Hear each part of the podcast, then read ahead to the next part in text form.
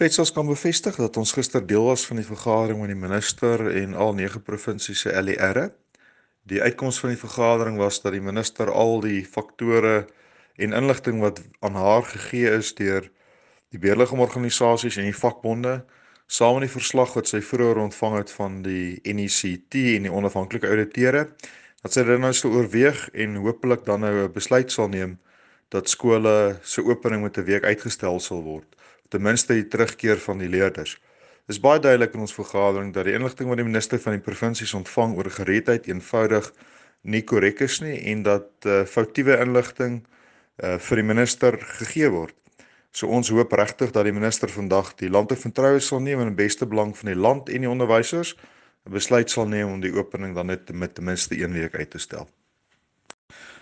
Uit die opname wat ons as belegingsorganisasie gemaak het, die vakbonde se navorsing ook hier onafhanklike verslag, blyk dit dat die meeste skole nie gereed is om te open nie omdat die persoonlike beskermende toerusting nog nie oral voorsien is vir die personeel van die staat nie. Nou hier moet ek onmiddellik sê dat die regulasies wat die minister van arbeid afgekondig het uh vir werksplekke net so van toepassing is op skole en die staat moet daarom ook aan hierdie regulasies voldoen om seker te maak hulle personeel is veilig. Aan die ander kant is daar baie skole wat min tot geen beskermende toerusting of maskers dan nou vir die leerders ontvang het. Uh ontvang het nie en dat die skoonmaakmiddels eenvoudig te min is.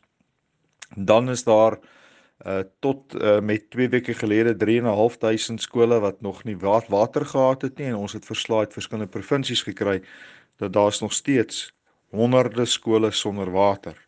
Watertanks is afgelewer in baie gevalle daar waar dit afgelewer is staan die tank nog net daar geen water gekoppel nie geen boorgat gesink nie nie 'n kraan in die tank nie.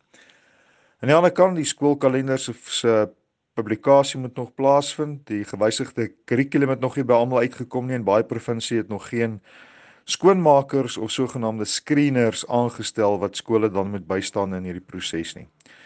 Ehm um, so dit is duidelik dat daar klomp voetwerk nog gedoen moet word voordat dit veilig gaan wees vir ons leerders om terug te keer na die skole toe.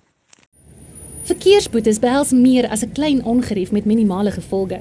Jy kan 'n kriminele rekord kry of probleme teekom as jy jou rybewys of motorlisensie hernie en die metropolisie kan jou by padplakkades lastigval om die boetes te betaal. Fines for you vir minder moeite met verkeersboetes deur hul te monitor en vinnig, wettelik en effektief af te handel sodat jy nie die ongewenste gevolge hoef te dra nie. Ons spesialiseer in groot vlote en streef daarna om jou geld te bespaar. Kontak ons gerus op 011 867 7331 of besoek ons webtuiste by www.finds4u.co.za.